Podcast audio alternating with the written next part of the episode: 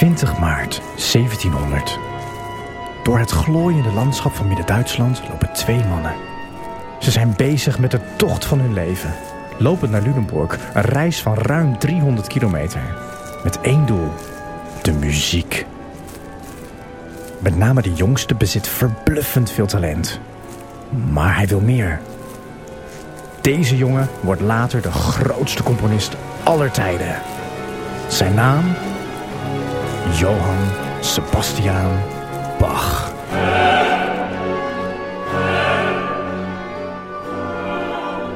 Maar gaan we nou weer een podcast over Bach maken? Ja, er is heel veel over hem gemaakt en gedaan.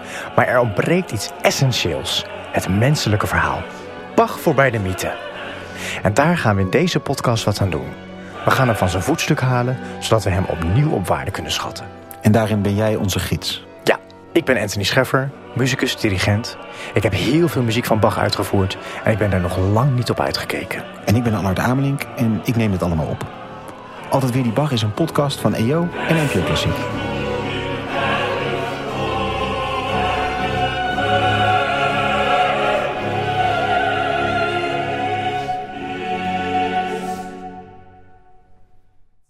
Om een goed mens te zijn, moet je een bepaalde openheid hebben naar de wereld. Een vermogen om onzekere zaken die buiten je controle liggen te vertrouwen. Op deze manier drukte de Amerikaanse filosoof Martha Nussbaum uit dat kwetsbaarheid een onlosmakelijk onderdeel is van het menselijk bestaan.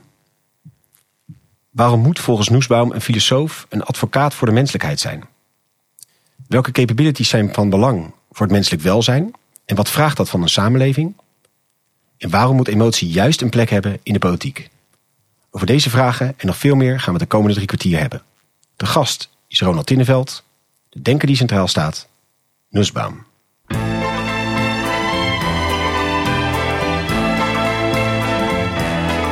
Vers les docks où le poids et l'ennui me courbent le dos. Dag, goed dat je weer luistert naar een nieuwe aflevering van de podcast Filosofie van het Santre Erasme School voor Filosofie. Mijn naam is Allard Amelink en je kent het concept inmiddels wel. Een hoofdgast, een presentator en een sidekick. En in ongeveer 45 minuten duiken we in het denken van één filosoof. Naast mij vandaag Kees Zwijstra. Dag Allard. We zitten in Nijmegen. In het Goudjesgebouw. Uh, ja, uh, de, bij de faculteit Rechtfilosofie. Ja, normaal zitten we altijd bij het Erasmusgebouw, maar nu dus uh, een andere grootheid uit de Nederlandse geschiedenis. Ja. Hugo de Groot. En we zitten hier op de kamer van uh, Ronald Tinneveld. Hij studeerde bestuurs- en organisatiewetenschappen en wijsbegeerte. Hij promoveerde in 2001 in Leuven met het proefschrift Mensenrechten en Discours, Recht en Democratie in het werk van Kant, Rawls en Habermas. Na zijn promotie was hij tot 2006 verbonden aan de KU Leuven en daarnaast ook als visiting scholar aan Harvard en Stanford. En sinds 2006 is hij verbonden aan deze universiteit en sinds januari 2021 als hoogleraar rechtsfilosofie aan de faculteit der rechtsgeleerdheid van de Radboud Universiteit. En in 2014 verscheen van onder andere zijn hand de bundel Martha Nussbaum, Filosofie als Activisme. Welkom Ronald, dat ja. je in onze podcast bent. Nou, ik uh, ben blij hier te zijn. En uh, we gaan het hebben over de filosofie, niet over uh, Habermas of Rawls of Kant, maar wel over Martha Nussbaum. Martha Nussbaum, we zaten nog een beetje te dubben over de uitspraak. Het wordt waarschijnlijk een beetje tussen Nussbaum en Nussbaum in. Zij werd geboren in 1947 in New York, studeerde theaterwetenschappen en klassieke talen en ging vervolgens aan Harvard studeren en bewoog ja, langzaamaan richting de filosofie. En in 1975 promoveerde ze uiteindelijk aan Harvard in de filosofie. Momenteel is ze hoogleraar recht en ethiek aan de Universiteit van Chicago. En onder meer, want ze heeft een hele lijst van zulke soort eredoctoraten. Uh, van de Universiteit voor Humanistiek te Utrecht en aan de KU Leuven. En um, ja, Ronald, om maar na te beginnen met de titel van uh, de bundel uit 2014 van jouw hand. Um, filosofie als activisme. Waarom hebben jullie toen tijd die titel gekozen voor uh, ja, het beetje duiden van uh, Noesbaum?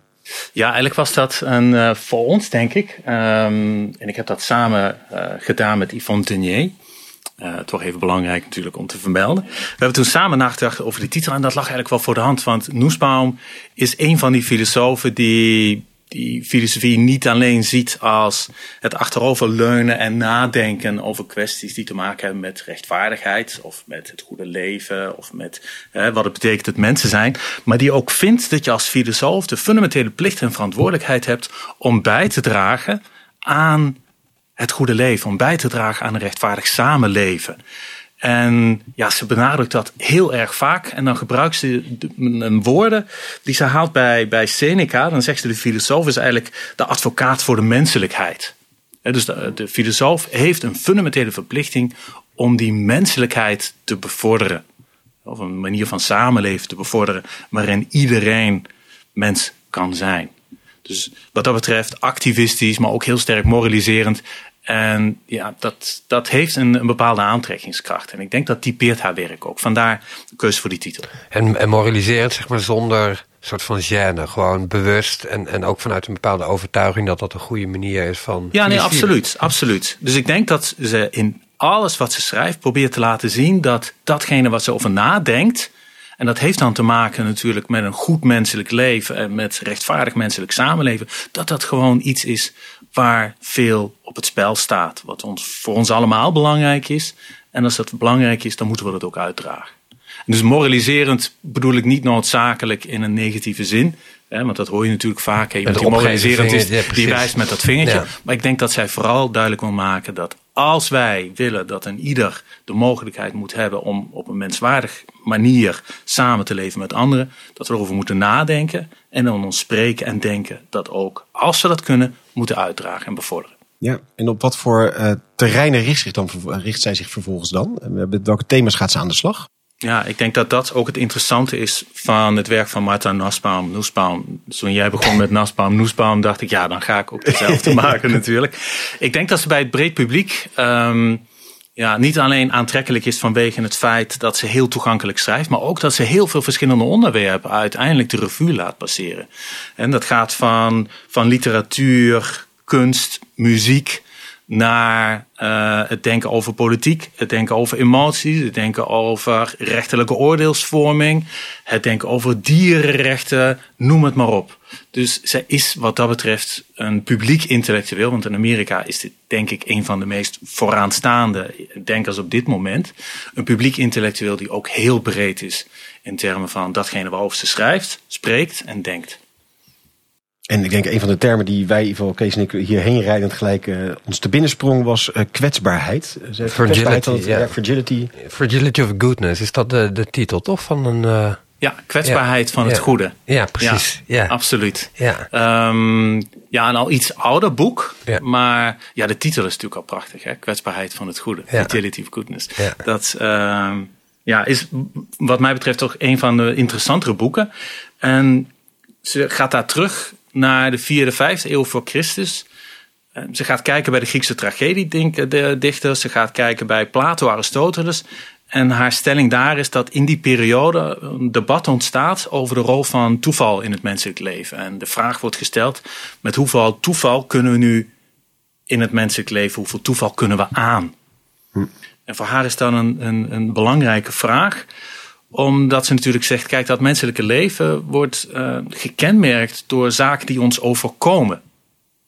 En zaken die we niet veroorzaakt hebben. En, en zijn dat dan grote dingen zoals je, je gaat dood? Of zijn ja, dat, dat, kan, dat, kan, ja, dat kunnen grote dingen zijn. En natuurlijk, je gaat dood. Uh, maar het kan ook zijn, je wordt ziek. Of uh, je wordt werkloos.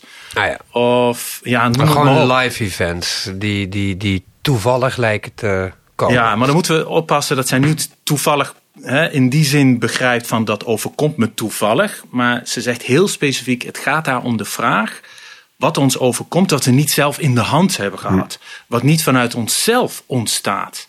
Ja, het kan wel een oorzaak hebben, maar wij zijn niet de oorzaak. Precies, ja.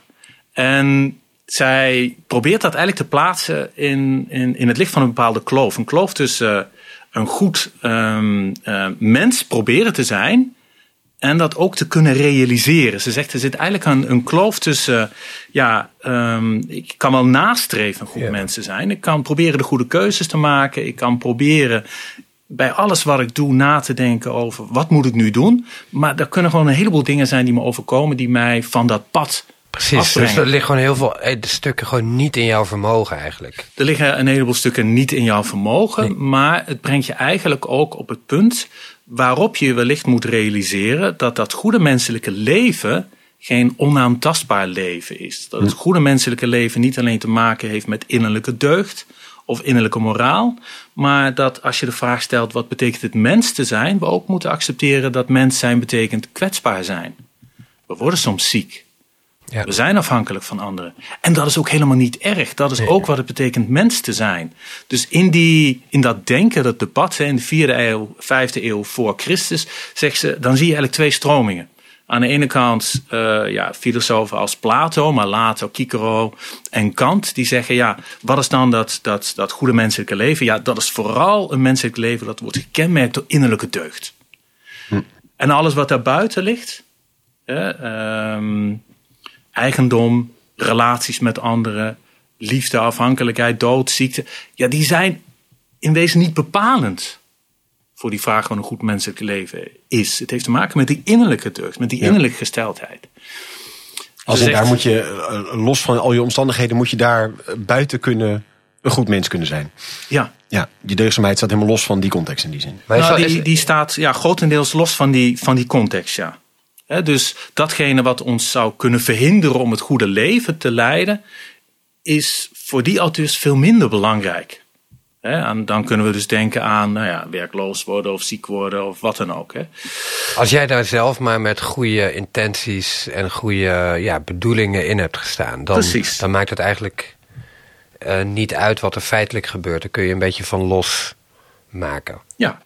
Waar, waar het om gaat is het kunnen beschikken over een goed karakter. Ja. Over het kunnen beschikken over innerlijke deugd. Menselijke voortreffelijkheid is die innerlijke deugdzaamheid. Heeft te maken dus met dat goede karakter. Ja.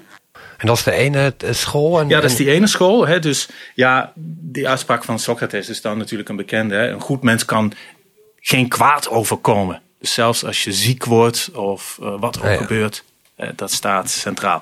Ehm, tweede school vinden we dan bij Aristoteles, maar ook bij de Griekse tragediedichters, hè, eh, Euripides, Sophocles, et cetera, die veel meer oog hebben eigenlijk voor het feit dat het menselijk leven kwetsbaar is.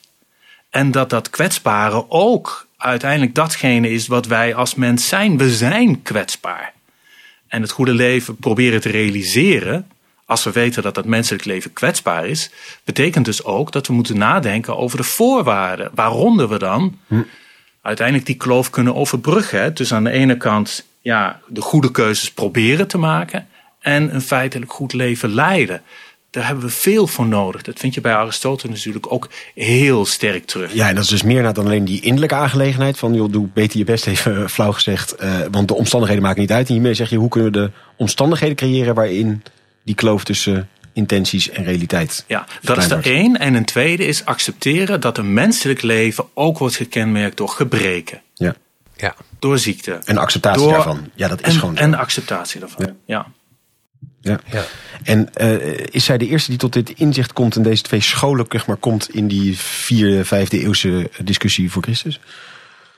Ehm, het is niet de eerste. Ze haalt natuurlijk haar mosterd ook bij andere filosofen. Maar ik denk wel dat zij in de manier waarop ze dat beschrijft en positioneert, wel een van de, de niet de eerste, maar een van de eerdere is die dit op een hele krachtige manier naar voren brengt. En, en wat, wat is het steek daar dan? Wat, wat, wat, laat ze, wat heeft ze daar dan mee laten zien? Van oké, ze heeft dit Ja. laten zien. En, Ja, absoluut. Maar je kunt natuurlijk de vraag stellen: stel je bent politicus en je moet nadenken over ja, hoe richten we de samenleving in. Als je natuurlijk weet, kijk, menselijk leven betekent het feit dat we afhankelijk zijn, kwetsbaar zijn. Ja, dan heb je wellicht als politicus een fundamentele verantwoordelijkheid om ervoor te zorgen dat datgene wat die kwetsbaarheid ergens kan steunen of wat die fragiliteit kan steunen en mensen dus reëel in staat kan stellen om een goed leven te leiden, ja, dat daar een verantwoordelijkheid ligt die jij als politicus op moet nemen. Of stel je bent een politicus en je denkt, ja, weet je wat, het goede leven, dat heeft vooral te maken met die innerlijke deugd, met die eh, innerlijke voortreffelijkheid. Ja, dan wordt zoiets als een sociale welvaartsstaat al helemaal niet belangrijk. Nee. Hè, of veel minder belangrijk. Dus er staat ook veel op het spel als je gaat kijken, hoe willen wij nu ons samenleven inrichten? Ja. Hoe Nou, willen ja. wij samenleven met anderen? Want ik, dacht- ik dacht eigenlijk dat je zou ook, ook zou gaan zeggen van, eh, maar, maar dat, dat, dat die kwetsbaarheid is, het is ook goed dat het die er is. Ja. Maar, maar eigenlijk, maar als je dat, je, Je wilt wel overwinnen, die kwetsbaarheid. Precies. Dus eh, je wilt wel een soort van uitbannen. Je wil wel dat kwetsbare deel kleiner maken. Is, is dat wat ze zeggen? Nou die, die eerste traditie zou zeggen, je probeert dat die, die rol van toeval hè, zo minimaal mogelijk te houden. Je wilt dat kunnen controleren. Ja. Ja. Terwijl zij natuurlijk zegt, ja, maar als je toeval uit je leven band, dan ban je eigenlijk, ogelijk, eh, dan ban je eigenlijk sorry, ook al die zaken uit die van waarde zijn voor je leven. Hè, dus het feit dat iemand waarvan je houdt dat hij ziek wordt, ja, dat hoort bij het leven, maar dat heeft ook een bepaalde waarde in het leven. Ja. Ga je dat uitbannen, ja, dan verdwijnt er gewoon een belangrijk aspect van het leven. Dus het uitbannen van die kwetsbaarheid betekent uiteindelijk ook het uitbannen van zaken die kenmerkend eh, en ja, waardevol voor ons zijn. Ja, precies. Ja, ja, het is eigenlijk beetje de confrontatie uit de weg gaan. Eh, eh, in een hoop na een bepaalde pijn be- bespaard te blijven. Of ellende te, ble- bespaard te blijven. Maar goed, daarmee verlies je net ook dus echt een waarde van het leven. Ja. Ja. Ja. En eh, als Kees naar die vraag stelt, van, gaat het wel alsnog om het op bepaalde manier onder controle brengen van die kwetsbaarheid? Is dat inderdaad wel dan een streven erin? Of, of het toch minimaliseren? Of, Nou, ik weet niet of je, of je moet zeggen kunnen controleren van die kwetsbaarheid. Maar ik denk wel dat als het uitgangspunt is. Eh, Het leven van een goed mens, het leven wordt altijd gekenmerkt door kwetsbaarheid. En daar zit ook een waarde in voor wat het betekent mensen zijn. Ja, dan weten we dat die mens steun moet krijgen in het kunnen realiseren van een goed menselijk leven. Maar het betekent niet dat we nou die rol van toeval of datgene wat we niet kunnen controleren moeten uitbannen. Nee. Dus het is, een, het is een evenwicht tussen ja, waar uiteindelijk de voorwaarden gecreëerd kunnen worden om ziekte te voorkomen, hè, of om werkloosheid te voorkomen, of om mensen reëel in staat te stellen om een vrij leven te leiden, dan ligt die verantwoordelijkheid daar. Ja. Maar probeer niet, als het ware, zo'n samenleving in te richten en zeggen: ja, zorg is niet belangrijk. Of hè, eh, instaan voor degene die van jouw zorg afhankelijk zijn is niet belangrijk. Hè, want dan, dan gaan we uiteindelijk bepaalde dingen uitbannen die wel een waarde hebben. Ja. Is het ook een, een, een haakje naar een, denk een andere bekende term die aan haar eh, gelinkt is, de capability approach? Het gaat over de vraag van wat heb je nodig eigenlijk om goed mens te kunnen zijn? Zit, eh, Ja. volgt dat hieruit of, of koppel ik nu twee dingen aan elkaar die eh, zij minder sterk bij elkaar eh, denkt? Nou, misschien beide, maar dat is niet erg. Dus bij deze leuke associatie je, van mij. je, je, je koppelt ze eigenlijk terecht aan elkaar. Dus die, die capability approach, die heeft ze samen ontwikkeld met uh, Amartya Sen, dus de Amerikaans-Indiaanse, Indiaanse, sorry, oei, uh, econoom en filosoof. Uh, ze hebben samengewerkt aan die capability approach. En Nussbaum ziet eigenlijk twee taken voor die capability approach. De ene is nadenken over menselijk welzijn. Dus menselijk welzijn is een, is, een, is een belangrijk element waar we als filosofen ook over nadenken. Wat betekent dat? Welzijn eigenlijk voor mensen. En de vraag gaat dan zijn, ja, hoe kun je dat niet alleen definiëren, maar ook meten?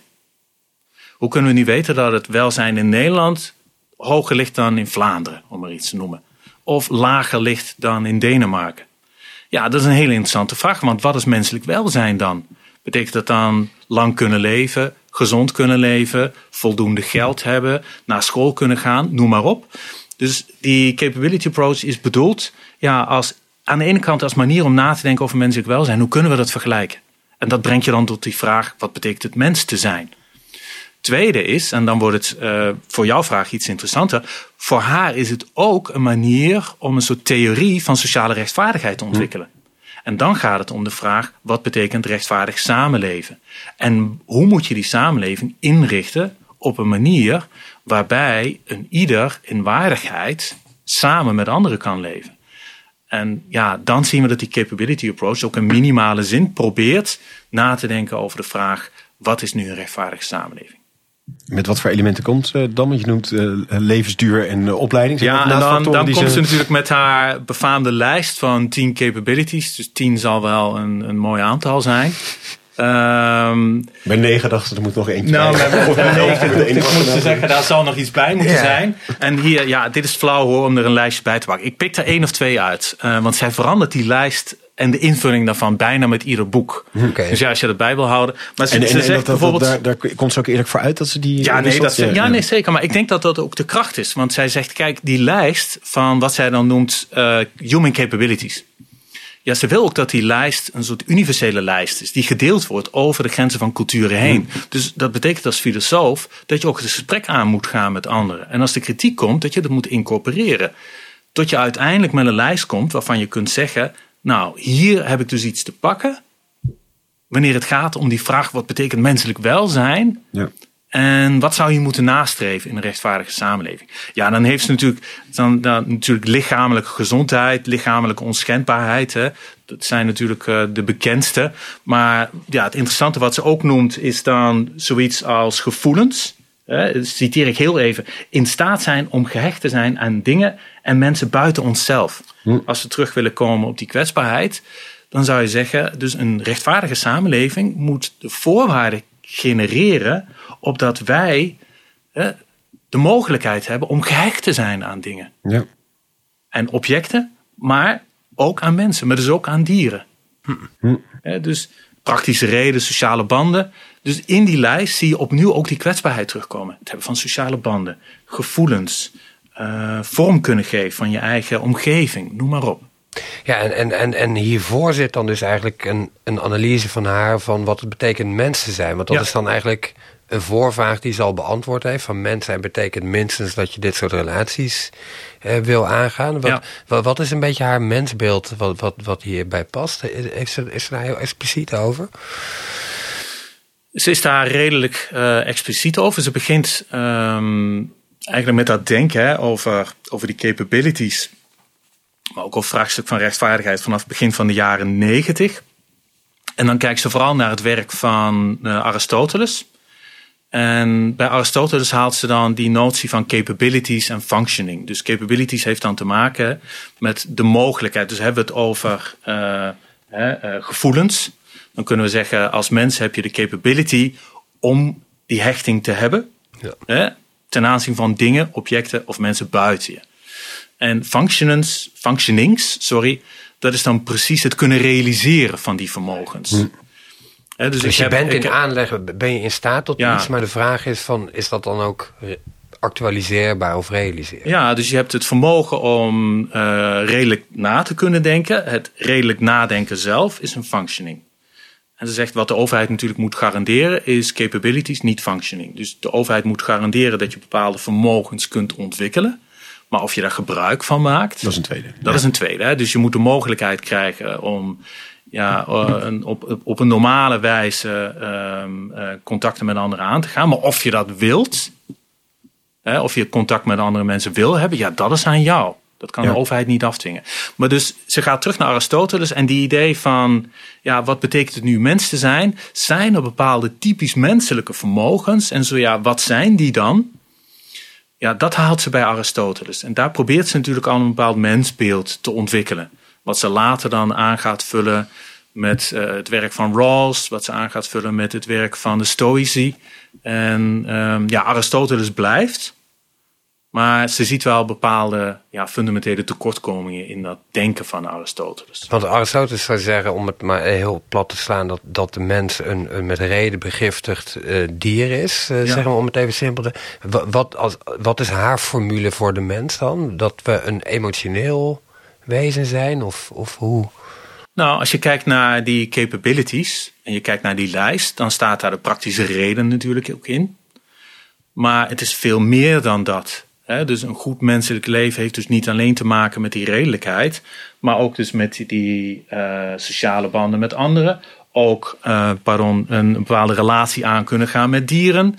Het heeft ook te maken met wat zij noemt spel. In, in staat zijn om als, als mens en vooral als kind je natuurlijk op een ontspannen manier op te kunnen groeien. Ja, en, en de mensen spelen, zijn lachen. iemand die deze combinatie van factoren. Een soort spin in een web of zo. Nou, dit zijn de factoren waar uh, je van zou kunnen zeggen dat de mens over die vermogens beschikt. Ja. En dat de overheid een ruimte moet creëren waarbinnen je die vermogens ook om kunt zetten in, in reëel functioneren, in functionings. Ja. En ze haalt daar natuurlijk heel veel bij Aristoteles. Maar ze zegt waar Aristoteles tekortschiet, is dat hij één, ja, menselijke waardigheid eigenlijk niet in zijn ja, denken meeneemt. Dus de gedachte dat een ieder mens een bepaalde waardigheid in zich draagt, ongeacht huidskleur, politieke overtuigingen, levensovertuigingen, seks, gender, noem maar op, zit daar niet in. En de gedachte dat de overheid ergens beperkt is in ja, wat de overheid zou kunnen doen, zit daar ook niet in.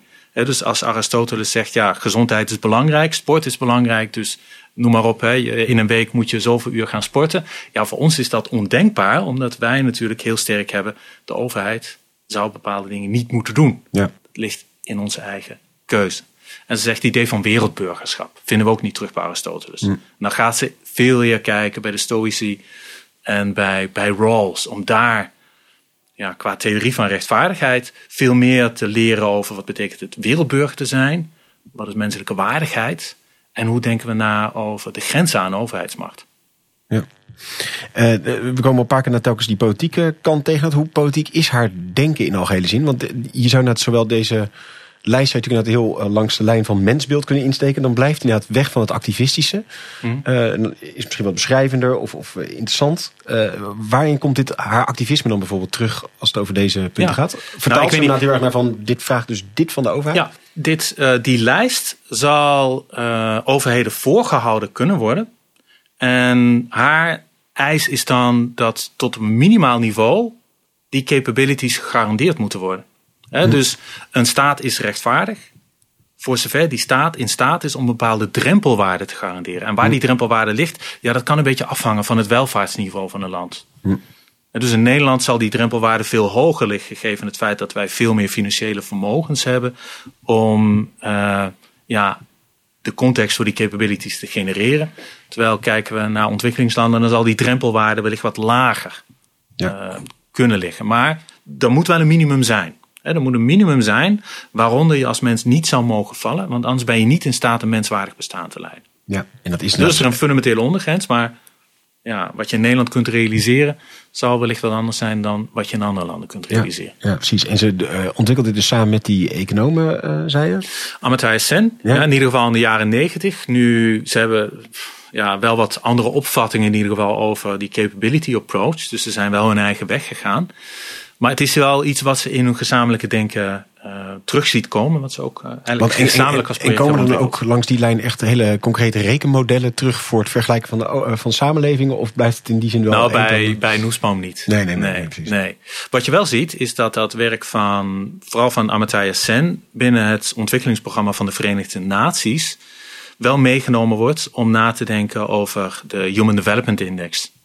Dus de Verenigde Naties, de ontwikkelingsprogramma van de Verenigde Naties probeert jaarlijks een rapport uit te brengen waarin de meeste landen van de wereld in een rangorde worden gebracht op basis van een uh, Human Development Index. En dat is eigenlijk die capability. Daar ligt die capability ah, ja. sterk aan ten hm. grondslag. Daar gaat het over uh, gezondheid, gaat het over levensduur, uh, gaat het over scholing, gaat het over welvaart. En dat alles bij elkaar genomen leeft dan een bepaalde, leeft een bepaalde indicator op. En als Nederland staan wij redelijk hoog. Uh, maar ja, daar zie je hoe het ook praktisch ingezet zou kunnen worden. Ja, maar kun je dus ook, kun je ook, ook dus inderdaad te ver gaan? Dus dat je eigenlijk zegt van ja, maar. En dan link ik hem even terug naar die fragility uh, notie van. Mm ja, je wil wel een stuk zeg maar, toeval uh, inkaderen, maar er moet ook een, een, stuk toeval blijven, want dat, dat, dat is ook belangrijk, dat is ook waardevol voor de mens. Ja. Kun je hier dus ook te ver in gaan? Dat je zegt van nu. Uh, nu is alle toeval uh, uitgebannen. Nu, nu, nu, ja, kan, nu. Ik, kan niet meer ziek worden. Ik kan, kan ja, niet meer ja. hoe, hoe zouden we dat kunnen zien? Nou ja, tenminste, ik dacht dat zij dat zo, dat dat, dat bij haar. Uh, nee, nee, zeker. Ja, nee, Ik, ik, ik denk dat je vooral moet kijken naar wat betekent het mens te zijn. En als je ontkent dat het kwetsbare, het afhankelijke ook onderdeel is van wat het betekent mens te zijn. En je probeert dat uit te bannen. Je precies datgene wat ook waardevol is voor het menselijke leven uit gaat proberen te bannen. Ja. ja, en er bestaat eigenlijk geen situatie waarin je dat ooit allemaal uitbandt. Maar het gaat vooral om je houding nou ja, ten opzichte van die. Uh, in in feitelijkheid kunnen we dat natuurlijk niet uitbannen. Ja, Ik, ik, kan me nog geen situatie voorstellen waarin we uit kunnen bannen uh, dat er nooit meer sprake is van ziekte. Of dat niemand meer doodgaat. Of dat je geliefde je niet verlaat. Of dat je niet werkloos meer wordt. Ja. Ik kan me die situatie niet voorstellen, maar ik denk als we dat voor kunnen stellen, dan lijkt dat niet een, eh, een heel nastrevenswaardig. Nee, maar, maar zij kijkt er ook wel, wel een soort van fundamentele naar. Niet zo van ja, dat, dat, dat, dat kan niet. Nee, ze zal ook zeggen, nee, maar dat is ook belangrijk dat dat niet kan. Want het is ook onderdeel van het mens zijn om die kwetsbaarheid te hebben. Daar gaat ook iets verloren. Ja. ja. Ja. Ja, kan ik alleen maar ja op Ja, nee, ja, en dan zeg ik ook nog drie keer. Ja, de, ja. De, ja um, nou, ik probeer me voor te stellen wat, wat dat dan praktisch betekent. Dus dat je inderdaad dat, dat je dan bijvoorbeeld een meer terughoudende overheid hebt. Of dat je nou, bijvoorbeeld ook in... Ik denk dat het belangrijk is dat de, de, de, de overheid dan bijvoorbeeld inziet dat zoiets als uh, thuiszorg belangrijk is. Zorgtaken belangrijk zijn.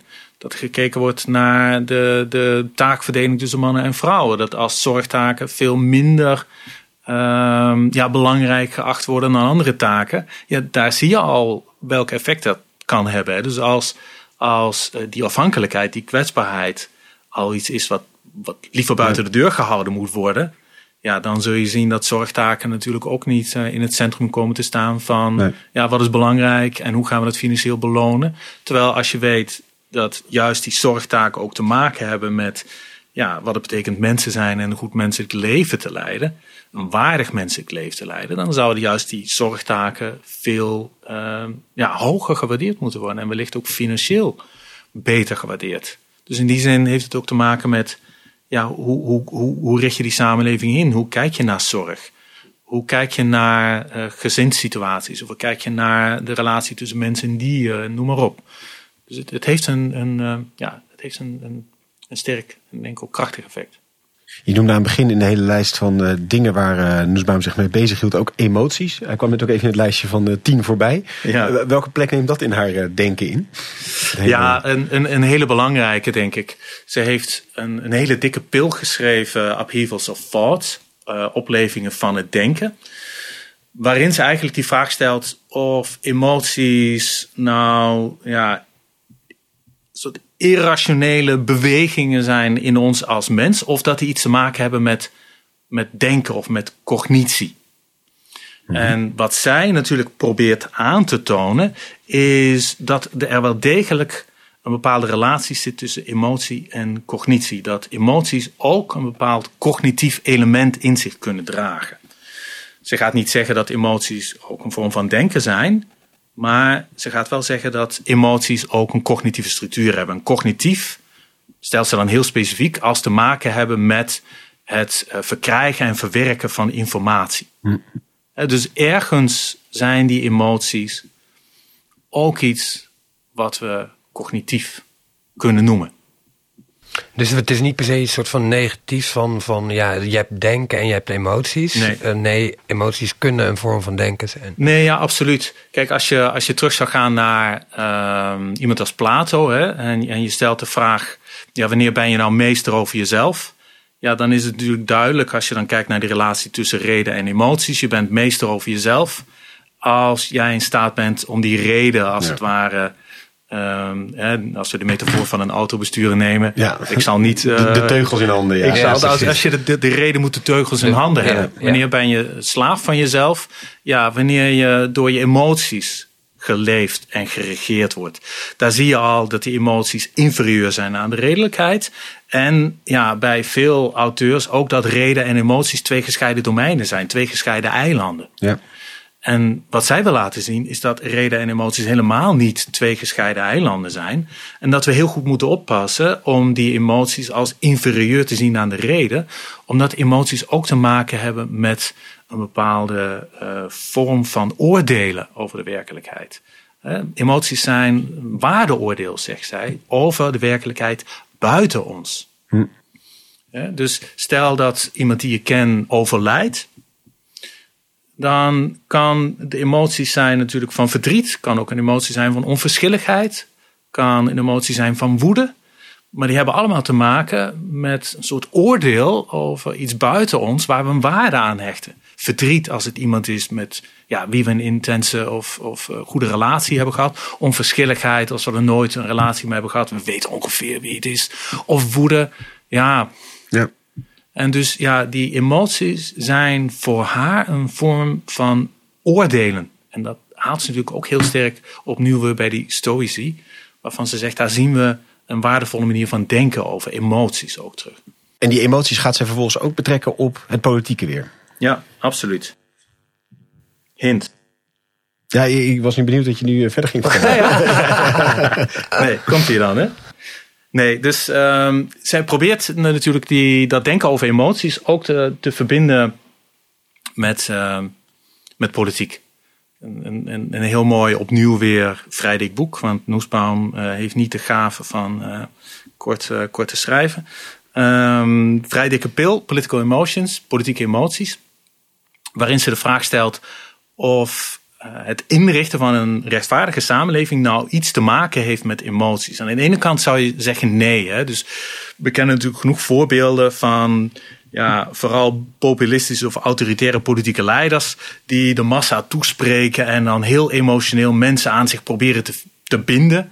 Om vervolgens een samenleving in te richten waarin helemaal niet voor iedereen een plaats is. En waarin uh, uh, grote groepen buitengesloten worden op basis van welke reden dan ook. Ja, dus dan heb je eigenlijk juist de situatie dat je emoties gebruikt om een ja, niet rechtvaardige samenleving Precies. te creëren. Op, op een hele problematische manier worden emoties ingezet om mensen buiten te Ja, sluiten. dus de intuïtie is, nee, emoties en een rechtvaardige samenleving Ja, dus- hebben niks met elkaar te maken, want zie, de, de populisten. Ja, ik denk dat een, een grote argwaan bij veel mensen, maar ook bij veel denkers, in ieder geval binnen de liberale stroming is om te zeggen: politiek is rationeel, cool uitwisselen van argumenten, met elkaar in gesprek gaan, rustig debatteren, maar niet op emotionele wijze argumenteren, schreeuwen of mensen aan je proberen te binden. En ik denk de vraag die zij zich stelt is natuurlijk heel duidelijk. Klopt dat wel? Of moet je zeggen dat datgene wat je in een rechtvaardige samenleving probeert te bereiken, bij uitstek wel gebaseerd zou moeten zijn op bepaalde emoties. Dus als je zegt, kijk, een rechtvaardige samenleving is een samenleving waarin je herverdeelt van rijk naar arm. Ja, dan moeten mensen bereid zijn om dat te doen. Die bereidheid moet erin zitten om je geld af te staan Ja. aan dat project. Ja, dat doe je alleen maar wanneer je weet dat dat waardevol is. En wanneer je een bepaalde betrokkenheid hebt op diegene hè, waarbij uiteindelijk die overheveling van geld gerealiseerd wordt. Dus zij zegt om in een rechtvaardige samenleving waardevolle projecten te steunen en te realiseren, heb je een grote mate van emotionele betrokkenheid nodig. We moeten weten dat dit belangrijk is, dat er iets op het spel staat wat ook voor jou en een ander waardevol is. Dus daar Ja. is het op de eerste plaats dat ze zegt politieke emoties zijn daar heel belangrijk. Omdat je dan, dan, dan je, je daden zeg maar verbindt aan een, aan een, ja, aan een moreel iets waarmee je, je je als persoon identificeert. Waarbij je weet Ja, die, dit, die persoonlijke identificatie bij, is ja. belangrijk. En ik weet ook niet of dat is, hier voel ik iets bij. Dat zal natuurlijk een rol spelen. Maar het draait rond, natuurlijk, herverdeling draait rond solidariteit. Solidariteit draait natuurlijk rond gebondenheid. En die gebondenheid, ja, die zal ergens ook vormgegeven moeten worden. En als politiek kun je er ook een bijdrage aan leveren. En dat is dus niet louter, wat je ook zou kunnen denken, een soort van ja, rationele calculus. Zo ziet zij Nee. dat in ieder geval niet. Ja, Nee, want zo wordt absoluut denk ik wel vaak ingestoken. Dat nu voelt ook natuurlijk argumenten voor eerlijkere welvaartsverdeling. Wordt dan ook gezegd, ja, dat is ten, in principe dan het beste voor de hele samenleving. Want economische groei dit en dit. Dus dan plaats je net als Ja. soort, toch een soort rekensom van. Zonder empathie of eh, emotie. En zij zeggen Ja. dus juist, ja, die emotionele betrokkenheid is wel een... Ja, precies. Zij spreekt dan over liefde. Maar dan liefde niet in de zin van ja, liefde die je hebt als ouder voor een kind of eh, in, een, in een intieme relatie tussen partners. Maar echt als een eh, bepaald gevoel van belang dat zo'n project kan hebben. Hè? Je hebt ook ehm, ja, Michael Walzer, de, de Amerikaanse politiek filosoof, die heeft een heel klein schriftje, Passions and Constraints. Eh Oeh, daar ga ik even twijfelen over de titel, maar we zullen zien. Eh, waarin hij zegt: ehm, Kijk, politiek bedrijven heeft te maken met het inrichten van de samenleving. En we willen dat doen op een rechtvaardige wijze. En dat rechtvaardig inrichten van die samenleving is zo belangrijk.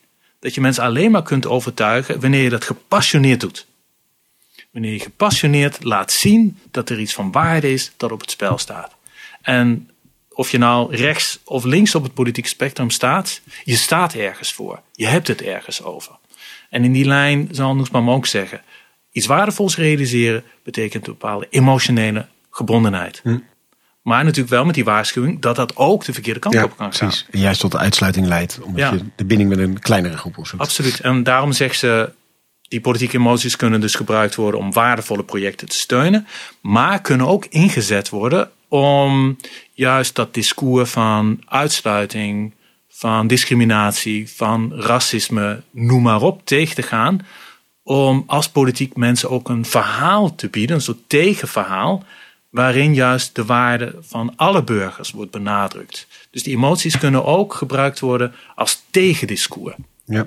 En dan heb je ook die ja, een vorm van emotionele betrokkenheid nodig. Ja, ik, zeg, ik moet even inderdaad denken aan, aan, een, aan, een, aan een boekje van Ignace de Vis, uh, een Vlaamse filosoof, die, waarin hij het heeft over het empathisch te veel. En dan zegt hij ja, wat je echt niet moet willen is een samenleving waar je alleen maar handelt wanneer je ziet dat jouw buurman of iemand die je toevallig kent, soort van zielig is. Ja. Nee, je moet eigenlijk juist wel een rationeel principe hebben, waar je gewoon ongeacht wat jij toevallig waarneemt, ja, gewoon juist uh, ja, volgens rationele principes ja. handelt. Klopt. Um, zij zou natuurlijk waarschuwen. Kijk, wat je nodig hebt zijn aan de ene kant uh, een bepaalde vorm van emotionele betrokkenheid. Maar zoals we allemaal weten, emotionele betrokkenheid kan ook beperkend zijn. Namelijk, ik ben emotioneel betrokken, maar dat eindigt bij mijn gezin. Of eindigt bij mijn familie. Of eindigt bij mijn vrienden. Ja. Dus daar zit een probleem. Vandaar dat ze zegt, je hebt en natuurlijk die rechtvaardigheidsprincipes nodig, of die uh, rationele principes om een samenleving in te richten, maar ook die emotionele betrokkenheid. En daar moet natuurlijk een ja, bepaalde symbiose tussen zijn. Want ja. ja, die, louter die emotionele betrokkenheid kan ervoor zorgen dat je juist op een veel kleinere groep jezelf betrekt of bereid bent om daarvoor te zorgen. Volstrekt arbitrair. Gewoon en dat kan ook volstrekt arbitrair zijn. ja. ja.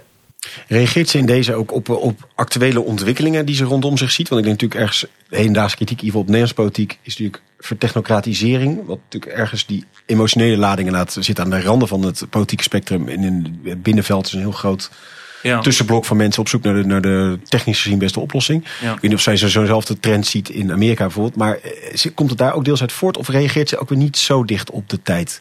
Um, nou, wat zij in ieder geval wel als uh, bekommernis heeft, is die, die boze burger. Hè? Die mm verontwaardigde burger, die boze burger die op steeds ja, de, de politieke extreme gaat, gaat stemmen. En die vervolgens ook weggezet worden onder het mom van, ja, dat zijn de, de irrationele. De deplorables. Ja, de deplorables. Dat zijn de, degenen die zich laten leiden door emoties. En ze zegt, ja, hier moeten we oppassen. Want we hebben te maken met een groep die wel degelijk een legitieme klacht vaak heeft. Ja. Die een legitieme bekommernis heeft, economisch van aard. Maar ze zegt, ja, die economische bekommernis die kan heel snel afgeleid worden richting het uitsluiten van anderen op basis van uh, nationale afkomst of huidskleur of, of gender of seks, et cetera. Ze zegt dus we moeten oppassen hoe we dat oppikken. Maar dat er sprake is van een groep van mensen met een legitieme bekommernis over de manier waarop we de samenleving inrichten. Ja, dat zit er en wel dat in. En dat is die emotie als waardeoordeel van ja, hun emotionele uiting is een goed waardeoordeel. Nou, dat, over, over de wereld om zich heen. Of is een waardeoordeel? Dat is een waardeoordeel, maar een waardeoordeel kan ook foutief zijn natuurlijk. Dus uh, het, het feit dat een emotie een bepaald waardeoordeel is, ja, dat hoeft niet te betekenen dat dat meteen ook een goed waardeoordeel is. Soms kan het ook een normatief problematisch oordeel zijn. Dus in haar denken gaat ze ook in over schaamte, mm uh, over walging, als emoties die inherent vaak problematisch zijn, of woede dus in haar latere werk woede speelt natuurlijk een belangrijke rol. Dat ze zegt, ja, wat is, wat is nu het fundamenteel problematisch met woede? Is dat daar een, een vorm van vreugde eigenlijk in zit over het feit dat je je bijna afreageert op een ander. Hè? Dus je wordt gekrenkt, komt een woedende reactie, pijn, maar ook meteen een genoegen als het dan met die ander wat slechter gaat. Hm. Ze zegt dus ja, pas heel goed op met het feit dat emoties wel bepaalde waardeoordelen in zich kunnen dragen. Maar dat die waardeoordelen ook soms gewoon fout kunnen zijn of normatief problematisch. Woede, walging, ja, uh, schaamte. Ja, daar besteedt ze ook in haar werk uh, vrij veel aandacht aan. Hiding from Humanity. Met een prachtige voorkant waarop een schilderij staat van een dame die naakt is, maar zich probeert, uh, haar naaktheid probeert te beschermen van, van de blik. En, en waarschijnlijk zich daar heel kwetsbaar voelt. En dat is, dat is een van die boeken, of Anger and Forgiveness. Um, From Disgust uh, to Humanity. Kijk even in mijn boekenkast even om naar die, naar die, titels te komen. Ja, precies. Dus in die zin ja, denk ik dat zij oog wil hebben voor wat emoties zijn. Voor het belang van emoties voor een rechtvaardige samenleving. Maar ook tegelijkertijd weet waar het problematische ja. Zit ten aanzien van bepaalde van die emoties. En, en als je het dan over emoties hebt, ben je dan helemaal weg van die fragility of goodness notie? Of, of is het daar toch wel op de een of andere manier mee in verbinding te brengen? Of, of, of is dit gewoon iets heel anders? Nee, ja, het is natuurlijk in die zin vrij gemakkelijk met elkaar in, in verband te brengen. Dat als de vraag is, wat is een goed menselijk leven? En we gaan zeggen, dat heeft te maken ook met die kwetsbaarheid. Kunnen we linea recta ook zeggen, ja, het, het menselijk leven is uiteindelijk ook een leven dat gekenmerkt wordt door het feit dat wij emotionele wezens zijn. Dat is onderdeel van die kwetsbaarheid. Hè? Dat is onderdeel van wat het is mens te zijn. Ja. ja. Laatste element misschien. We hebben denk ik al heel erg over haar, uh, haar bronnen uh, gehad. Zowel de klassieke als Kant Rolls. in hoeverre maakt zij school? Of, of zijn er echt uh, Noesbaumianen al te vinden? Maar zit er bij een of niet? Ja, misschien. Nou, dat weet ik, ik weet niet of ik mezelf een Noesbaumiaan zou noemen. Dat, dat laat ik even terzijde. Ik vind haar werk wel fascinerend. Hm. Ehm, ik weet dat een aantal sorry, vakgenoten wellicht wat kritisch zullen zijn over haar latere werk. Maar ik weet niet of we er nou van een stroming kunnen spreken. Ik, ik kan me nou niet bekende hedendaagse filosofen noemen die zich echt Noesbauminiaan zou noemen. Nee. Wellicht is het daar nog te vroeg voor, weet ik niet. Ook omdat ze nog actief is. Ja. ja. Want zit er inderdaad in haar werk iets waarvan je kunt zeggen... ja, dat, dat, is, dat kenmerkt haar echt, dat maakt haar echt specifiek. En daaruit, ja, dat, dat is echt een specifieke ja, afslag als het ware... die nadenken over rechtvaardigheid nu genomen heeft sinds uh, Noesbaum dus misschien die emoties, ja, inderdaad. Die, ik, het, ik denk het feit dat ze al die dingen probeert te combineren is natuurlijk al één.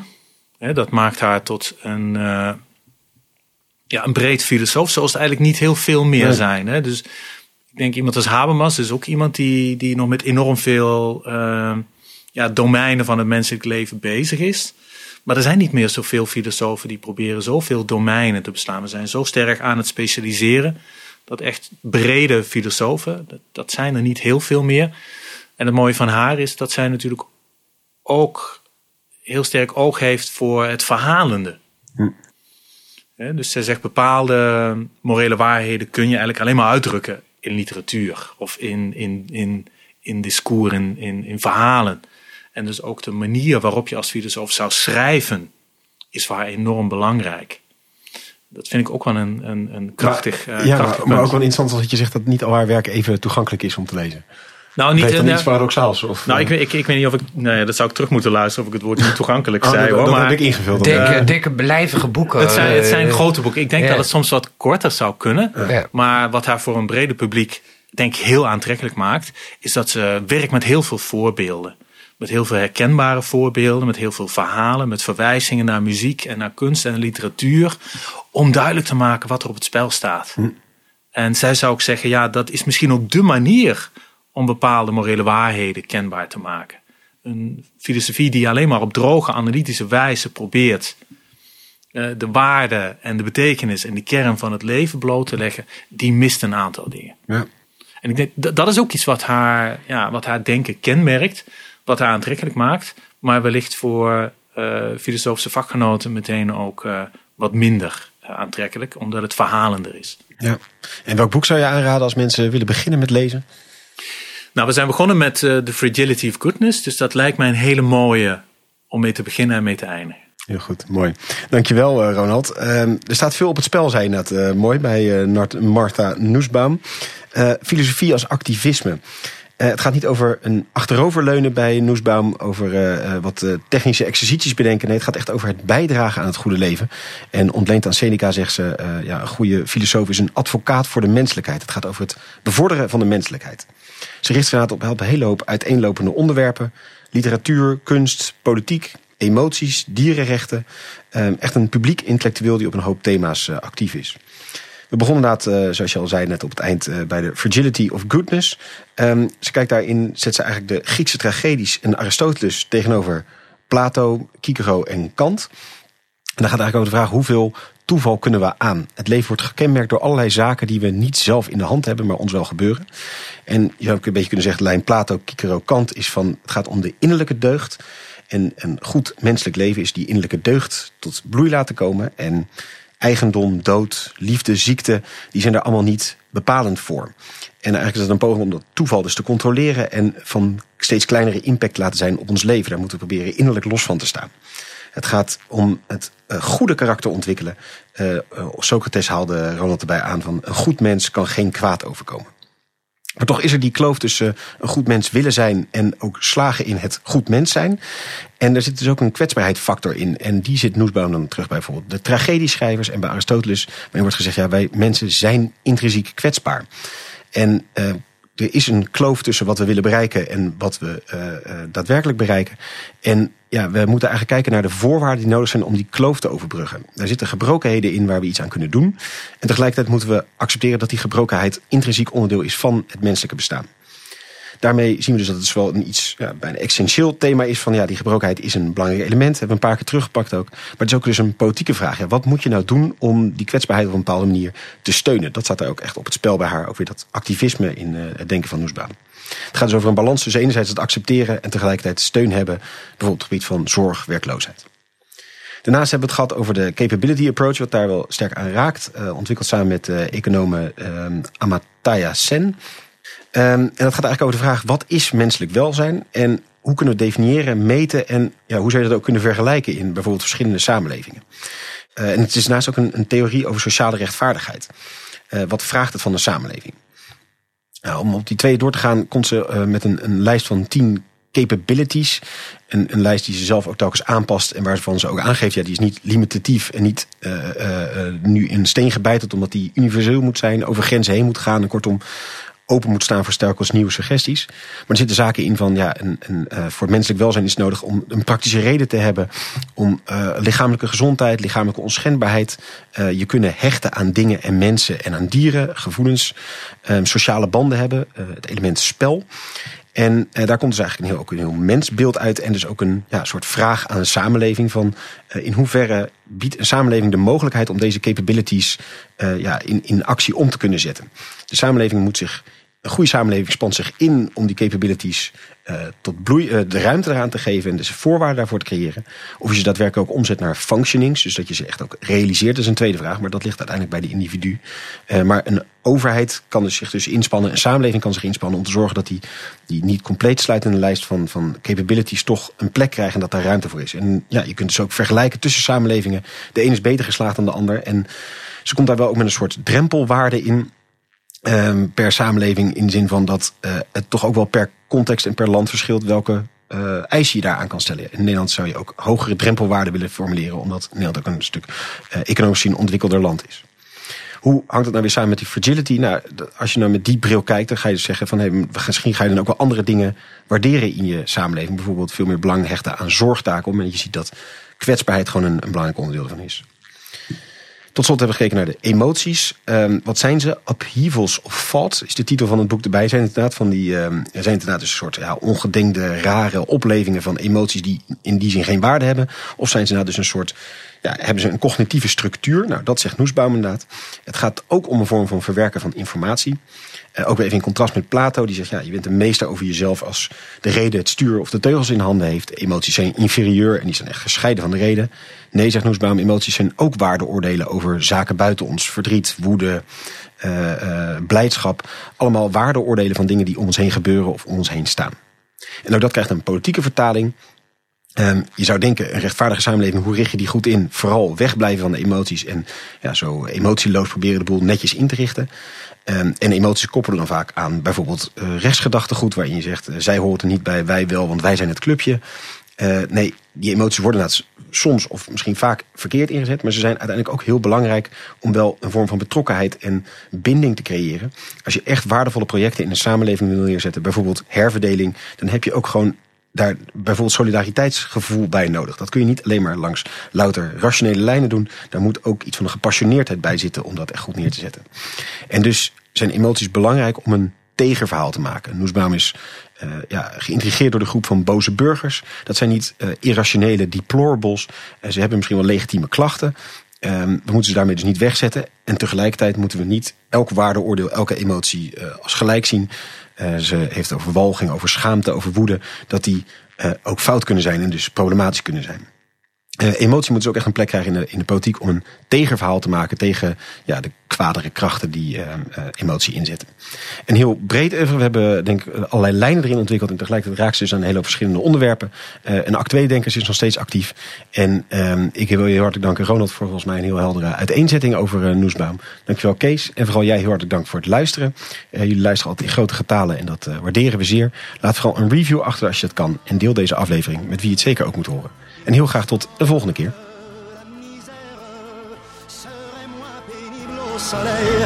Emmenez-moi au bout de la terre, emmenez-moi au pays des merveilles. Il me semble que